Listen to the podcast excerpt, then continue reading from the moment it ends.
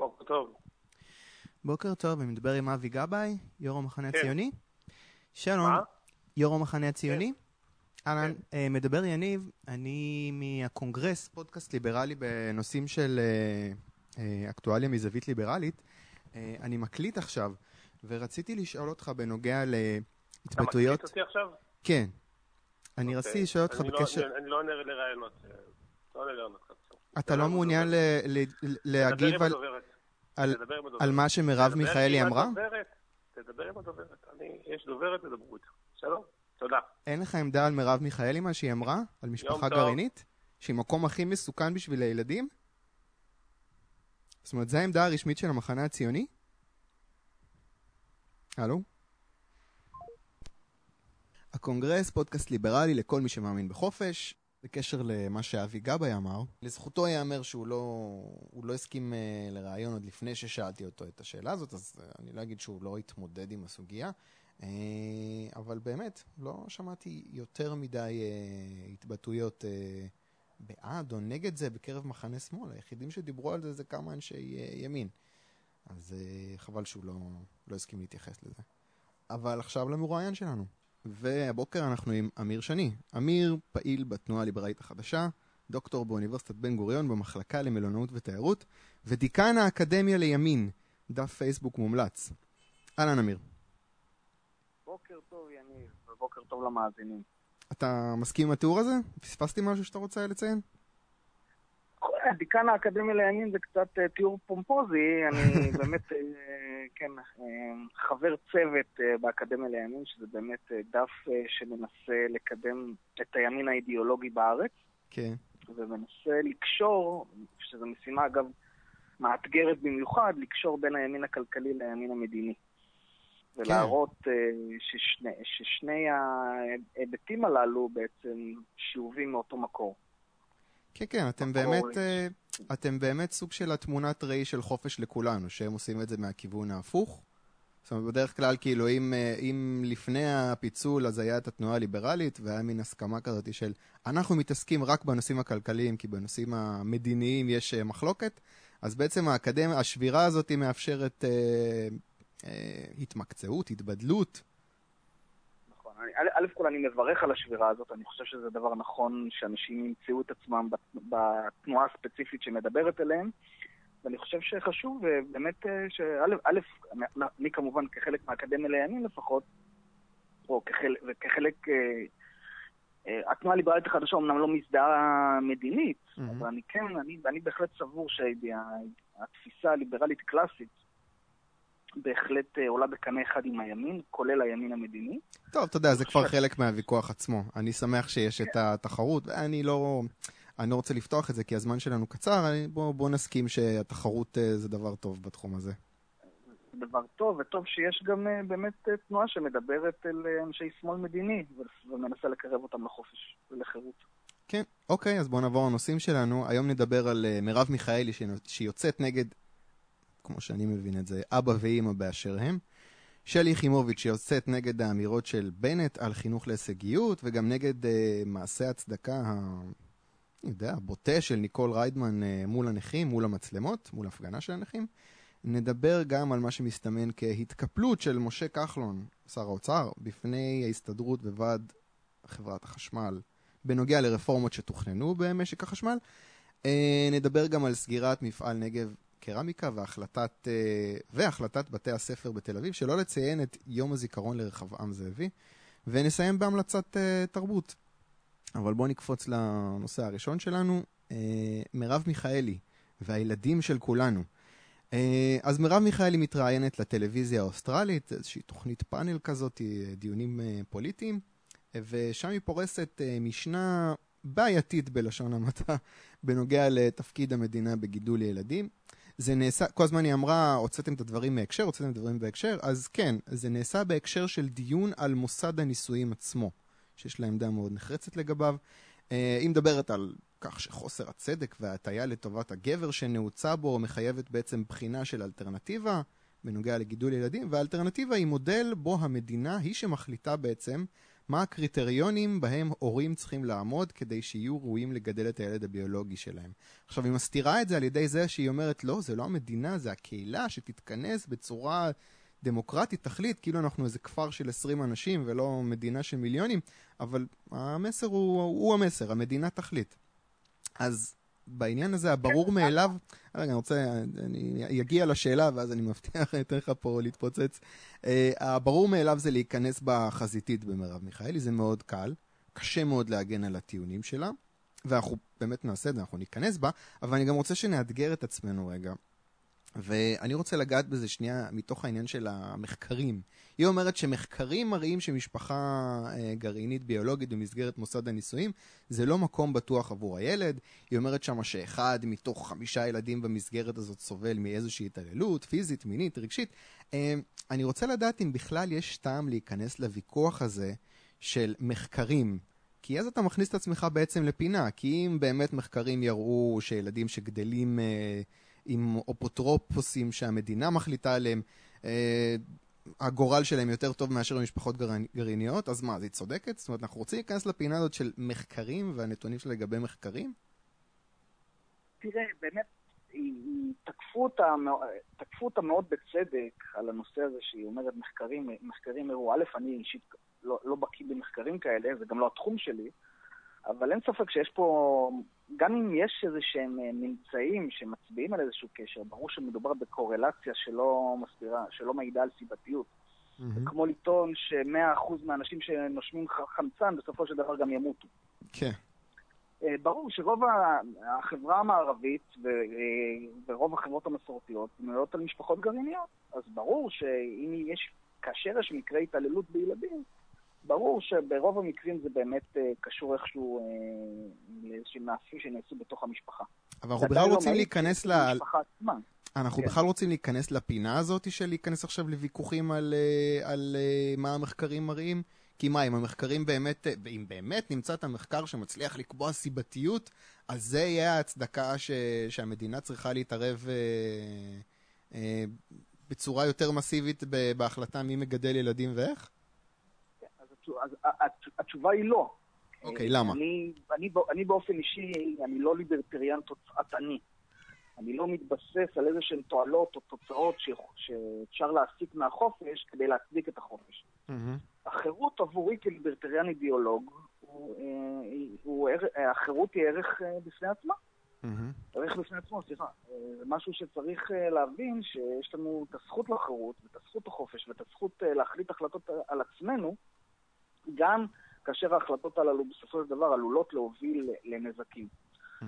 לגבי ילד, הפרוקסי הכי קרוב אה, לאפוטרופוס שיכול להחליט עליו, או ש- שמכיר אותו, שמכיר את נבחי נשמתו, ובסופו של דבר גם יכול להחליט את ההחלטות הטובות ביותר עבורו, הוא כמובן ההורה. Mm-hmm. ועל כן, בעיניי התוצאות ובאמת המחקרים לא רלוונטיים, זה, זה יכול להיות בהחלט מעניין, כן, זה בהחלט יכול להעשיר את השיח, כן. לראות, לעיין במחקרים כאלה ולהוסיף אותם לוויכוח, אבל הם לא האקדח המעשן שבסופו של דבר נגיד, אוקיי, המחקר הוכיח, יאללה, בוא נוציא את הילד אה, מרשות הוריו וניתן למדינה או ניתן לאיזשהו פקיד, אה, כן, לאיזשהו מלך פילוסוף אה, להחליט עליו. אוקיי, בוא ניכנס באמת לעמדה עצמה, זאת אומרת, מה... מה... יש לי הרגשה ש, ש, שהיא מתארת איזושהי תפיסה שהיא... אה, לא תפיסה שהיא כל כך נדירה בקרב אה, אנשים ממחנה שמאל, היא פשוט אמרה אותה בצורה מאוד מאוד בוטה. אז מה, מאיפה זה מגיע ההצהרה ה... וואלה, הפסיכית הזאת, שבעצם המדינה צריכה להחליט על קריטריונים לאיך... אה, מי צריך לגדל ילד? כמו שיש לך רישיון נהיגה, יהיה לך גם רישיון הורות. מאיפה זה מגיע? מה שטוב באמת באנשים, אנשי ציבור כמו מרב מיכאלי, זה באמת שהיא מביאה את העמדות שמאלניות, חברתיות, לקצה. ואז היא באמת מביאה אותם לידי גיחוך, ובאמת יותר קל לצחוק עליהם או לראות את האבסורד שבהם. אבל חשוב להבין שהעמדה שמרב מיכאלי מציגה פה, נעוצה עמוק עמוק בתוך אה, התפיסה הפרוגרסיבית אה, שמאלנית. Mm-hmm. והיא לא כל כך קשורה למי זה, מי, אה, מה המעמד של אבא ואימא, או כמה אבא ואימא באמת חשובים לילד. Mm-hmm. התפיסה הבסיסית היא שלילת האינדיבידואליזם. כאשר, מה, מה אנחנו כאינדיבידואליסטים בעצם, במה אנחנו בעצם מאמינים? בזה שיש לנו את הזכות להחליט על עצמנו. ובזה שעדיף שהחלטות תמיד ייעשו ביחידות החברתיות הקטנות ביותר האפשריות.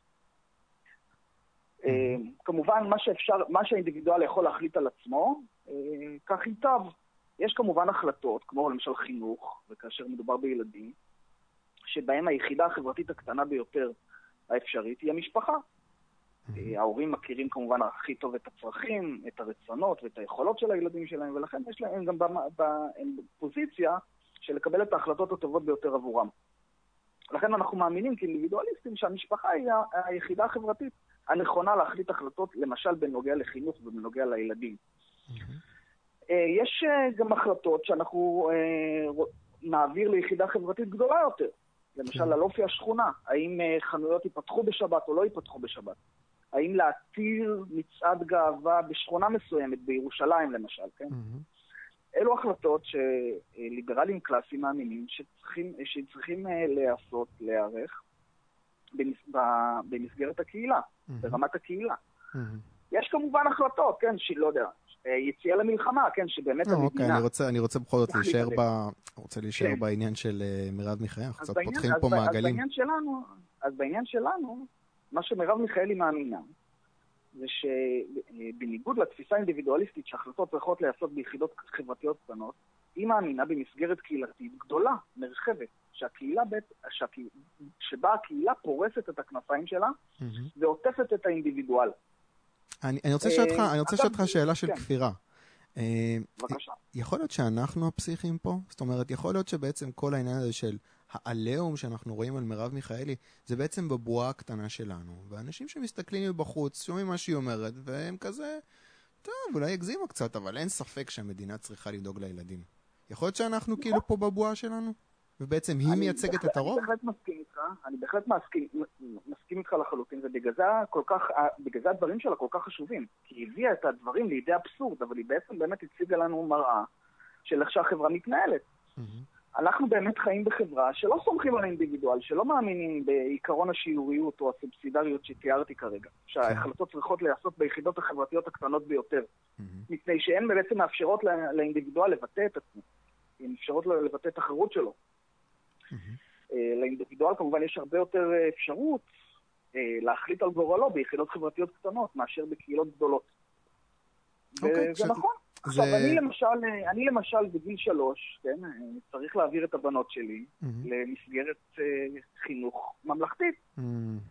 כן, שבה המדינה מגיל שלוש, כן, חוק חינוך חובה כיום הוא מגיל שלוש, כן. המדינה תחליט עבור הילדים שלי מה הם ילמדו, איזה, איזה ערכים הם יספגו, מי ילמד אותם, באיזה מסגרת הם, איפה, איפה הם ילמדו. Mm-hmm. אז מה שבעצם מרב מיכאל עשתה בסך הכל, זה בעצם להעצים, כן, להגחיך את המצב הקיים. אבל אין ספק שהיא, אה, אבל אני מקווה לפחות שזה התועלת ש, ש, שתצא מדבריה, מהדברים שלה, mm-hmm. זה שבעצם אנחנו נחשוב קצת ונתחיל להעלות ספקות אה, ולערער על המצב הקיים, שבו באמת אנחנו אה,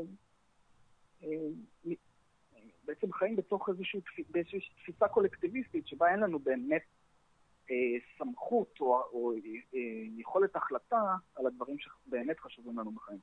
זהו, אתה נופל לי הסימון, אני קראתי הבוקר איזשהו פוסט של אה, דוב חנין, אה, המיטיב עם העם. הוא תמיד מפרסם פוסטים שהממשלה צריכה לספק עוד ועוד גודיז, והבוקר קראתי שהוא אומר שבעצם אה, המדינה צריכה לדאוג לחינוך של ילדים כבר מגיל אפס. זאת אומרת שכשאנחנו שמים את הילדה במשפחתון, אנחנו לא צריכים לשלם את ה-2,000, 3,000, אולי אפילו יותר uh, לחודש, המדינה צריכה לשלם על זה. Uh, זה בעצם נראה לי כזאת... שהמדינה תחליט איפה, איפה הילדה שלך. כן, כמובן, איפה, ובאיזה ימי חופש... ומה יהיו הכללים, ומה הם יהיו התכנים. עכשיו, כשהילדה הבכורה שלי נולדה, אז אני ואימא שלה עשינו סקר אדיר אה, על משפחתונים וגנונים, כן, בשביל באמת לבחור את המסגרת החינוכית הטובה ביותר עבורה. Mm-hmm. ושאלנו אלפי שאלות לגבי הפילוסופיית החינוך של אותו מקום, mm-hmm. ואיזה תכנים יעב, אה, היא תקבל, ואיזה פעילויות, ואיזה פעילויות ספורט, ואיזה פעילויות אה, מוזיקה, והתעמלות וכולי. כלומר, היכולת שלנו, לפחות בשנים הראשונות, לבחור את המסגרת החינוכית שמתאימה לילדה, של, לילדה שלנו, לפי ראות עינינו, וכאמור, אנחנו מכירים אותה בצורה הטובה ביותר, בצורה אינטימית ביותר, כן. היא, מקס... היא כמעט מקסימלית. והיה באמת מבחר, אה, סתם אה, סקרנות. וגם את זה דב חנין רוצה לקחת מאיתנו. אפילו את השנים הראשונות שבהן אנחנו יכולים להחליט אה, על גורל ילדינו. טוב, אבל זה... זה... זה, אבל זה מלכודת דבש אה, קלאסית, זאת אומרת, הוא מציע דברים בחינם, סך הכל, אתה יודע, הורים לילדים קטנים קוראים תחת העומס הזה של באמת כמה אלפי שקלים בחודש על משפחתונים, זה, זה המון כסף. והוא בא ואומר, אתם לא צריכים לשלם על זה. ואנשים לא חושבים יותר מדי, וואלה, אה, המדינה פה עכשיו אה, לוקחת חסות על הילדים שלי, ואוי ואבוי לאן זה יוביל. הם רואים ארוחה חינם, אומרים, כן, תביא, ובגלל זה אנחנו צריכים, כליברלים, אנחנו צריכים להזכיר לאנשים שכאשר הם היו קטנים, אז ההורים, של, ההורים שלנו תמיד היו אומרים לנו הרי, אה, כל עוד אתה גר תחת קורת הגג שלי, mm-hmm. אתה תעשה מה שאני אגיד לך. Mm-hmm. כן, אתה תלבש מה שאני, מה שאני אומר לך, אתה, אה, מה, שאני, מה שאני אומרת לך, אתה תלך למוסד החינוכי שאנחנו שולחים אותך. אה, אנחנו צריכים להבין שכאשר משלמים עלינו, או במקרה הזה כאשר המדינה משלמת עלינו, היא לוקחת עלינו חסות. Mm-hmm. ופקידי המדינה, או אישי הציבור, מרגישים שיש להם גם את הזכות אה, לקבל החלטות לגבינו, והם צודקים. Mm-hmm. בעל המאה הוא בעל הדעה. אתה חושב ש... אני חוזר רגע למרב מיכאלי, אתה חושב שהעניין הזה... היה שם משהו קצת שדילגו עליו, והיא אמרה שמשפחה גרעינית היא המקום הכי פחות בטוח, ושבחברה מסורתית זה אפילו יותר מובהק. אז אתה יודע, מדברים על זה שבשמאל יש חשבון נפש, על אה, איך שהוא טיפל אה, בעולים שהגיעו אה, מעדות המזרח בשנות ה-50, שנות ה-60. מה זה, אני שומע משפט כזה, ואני מבין שכלום לא השתנה. המחנה הציוני זה בעצם מפא"י בבגדים חדשים. אתה חושב שמשהו השתנה או שהם יוצאים מאותו מקום? גם דב חנין אה, מכריז חדשות לבקרים שהקומוניזם עשה חשבון נפש. והיום הוא מבין שכן, אוקיי, הקומוניזם הוא פיקס, כל העקרונות, אה, מה שנקרא חקוקים בסלע, אבל מה, היה חסר את הדמוקרטיה. אם רק היינו מוסיפים את האלמנט הדמוקרטי, הכל היה בסדר. הכל היה אה, מתנהל כשורה ולא היינו עדים בעצם לזוועות המאה ה-20 שהקומוניזם עולל. כן.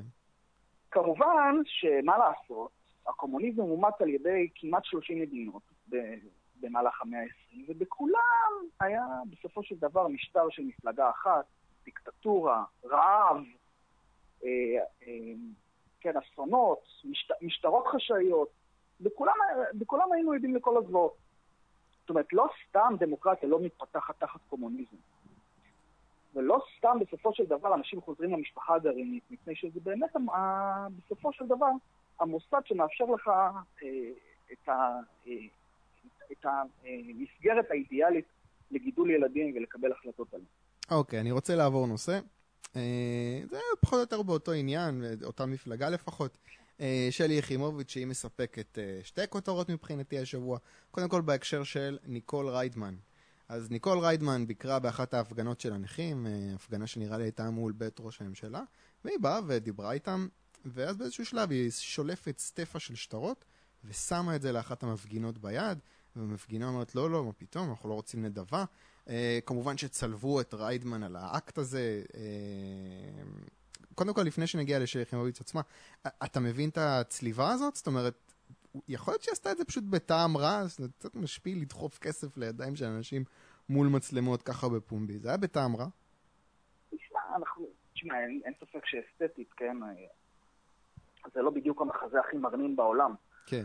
מצד שני, אני חייב להגיד לך שזה באמת מזכיר את האייטם הקודם שלנו, mm-hmm. מפני שזה עוד פעם איזשהו, לא, לא תמונת מראה, אלא איזושהי הגדלה, כן, איזושהי זכוכית מגדלת על תופעה שכבר קיימת בחברה.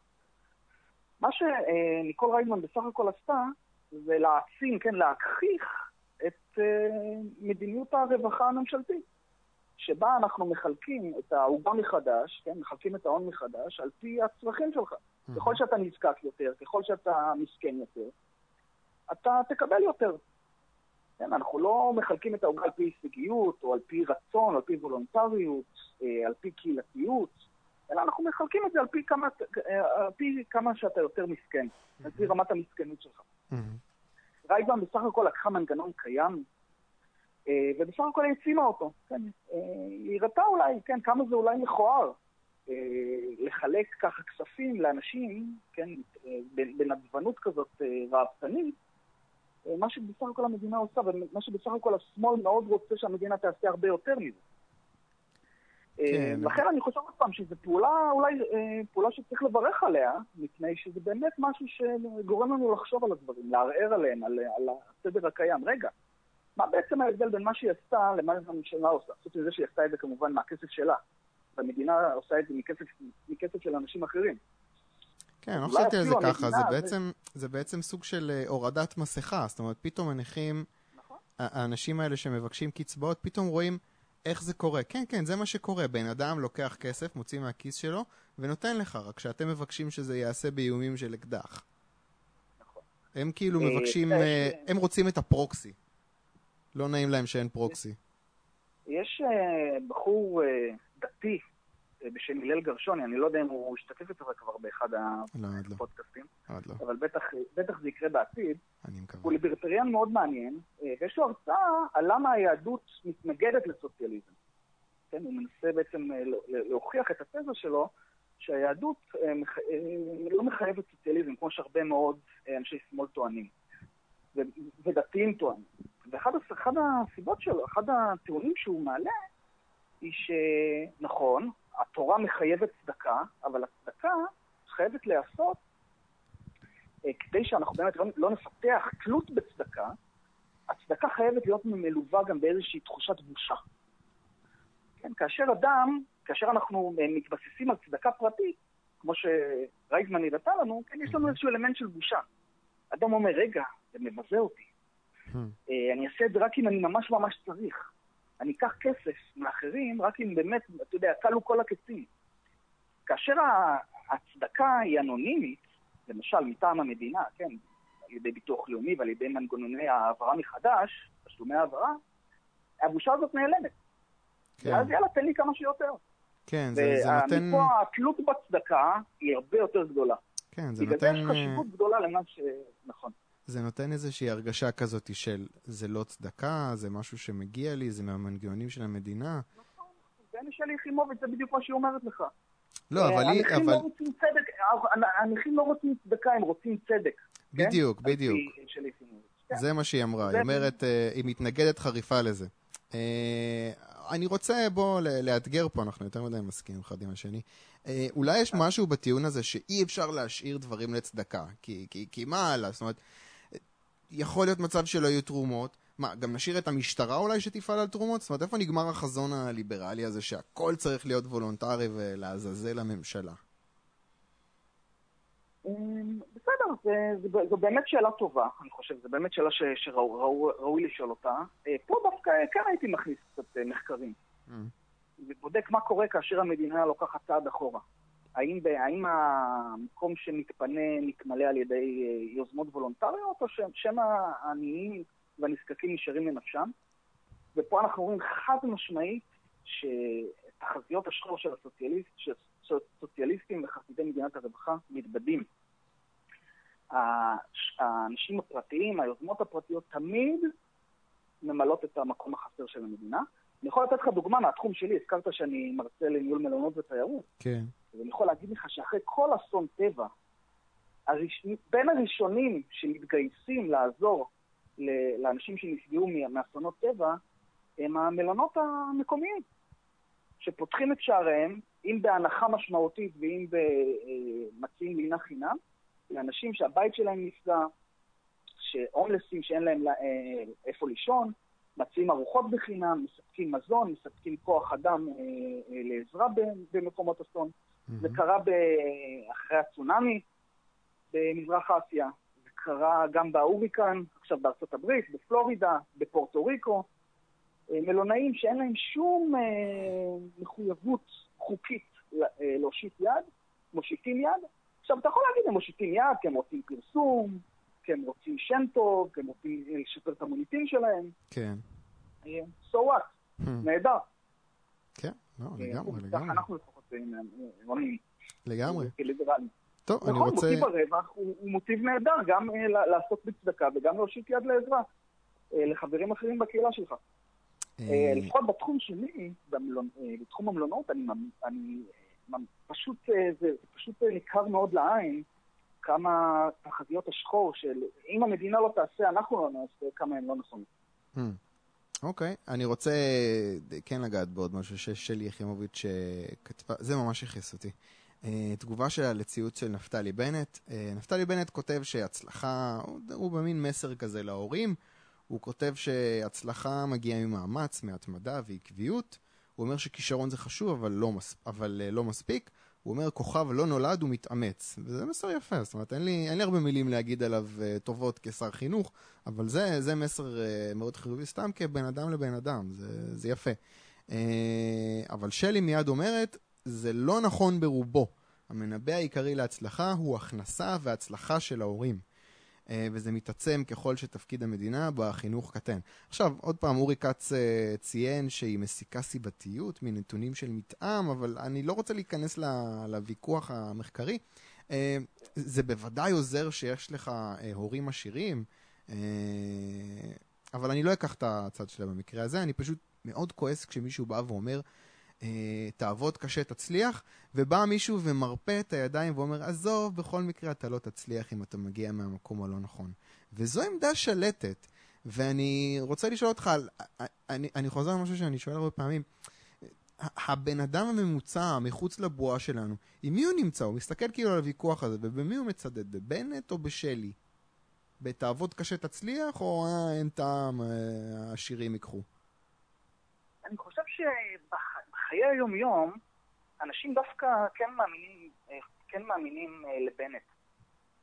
זאת אומרת, כאשר הם חיים את היום, אתה יודע, הולכים לעבודה, מסתכלים על, מסתכלים על מה קורה סביבה, מסתכלים על הילדים שלהם, הם כן הם מצדדים בעמדה של בנט, שבסופו של דבר לפרט יש חשיבות.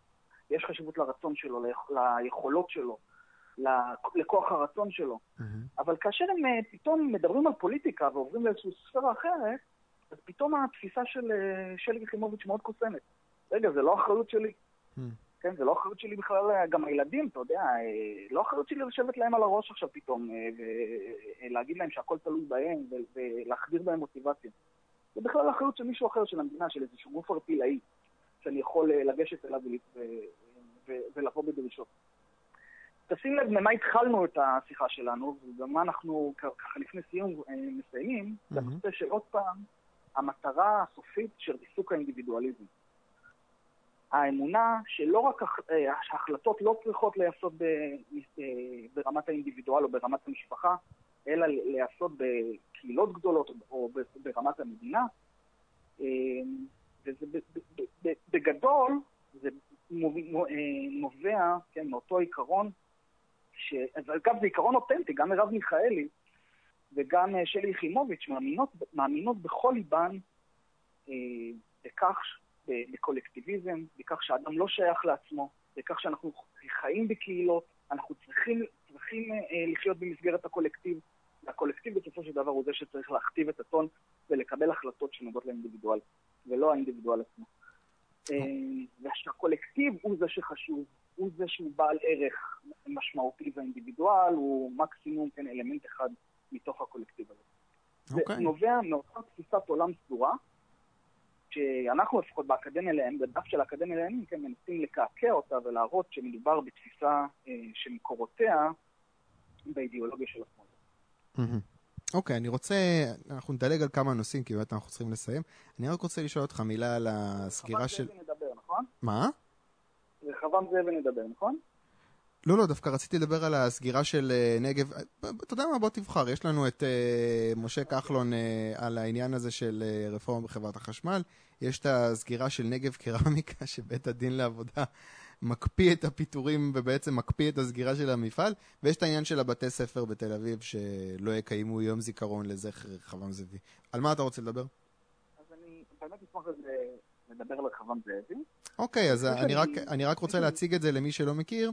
אז uh, מספר בתי ספר בתל אביב מודיעים שהם לא יקיימו אירועים לרגל יום הזיכרון לזכר חב"ם זאבי, שנרצח על ידי מחבל פלסטיני, uh, בגלל עניינים מפוקפקים שהוא היה מעורב בהם. Uh, ואני רוצה להגיד שאני בעד כאילו העניין הזה. זאת אומרת, יצאו נגד זה, אבל זה, זה טוב, כי זה לדעתי יוצר איזשהו טריז בין uh, בתי ספר, ואתה, וזה אולי יכול להצית איזה ויכוח שיוביל אולי למסקנה שכל בית ספר צריך לעשות מה שנראה לו ולהורי התלמידים.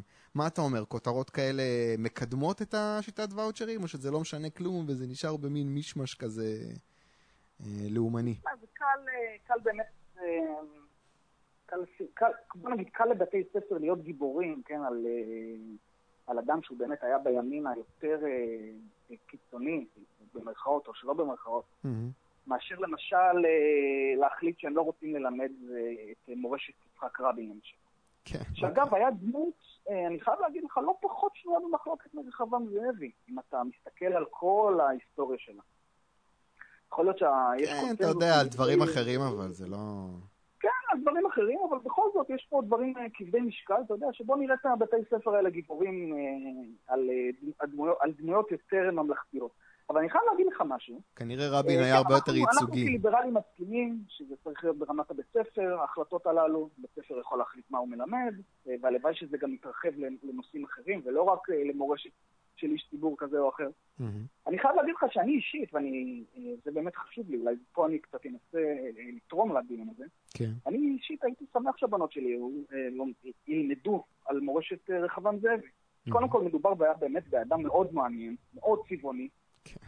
מאוד, הייתי אומר אפילו מרתק, עם היסטוריה מרתקת.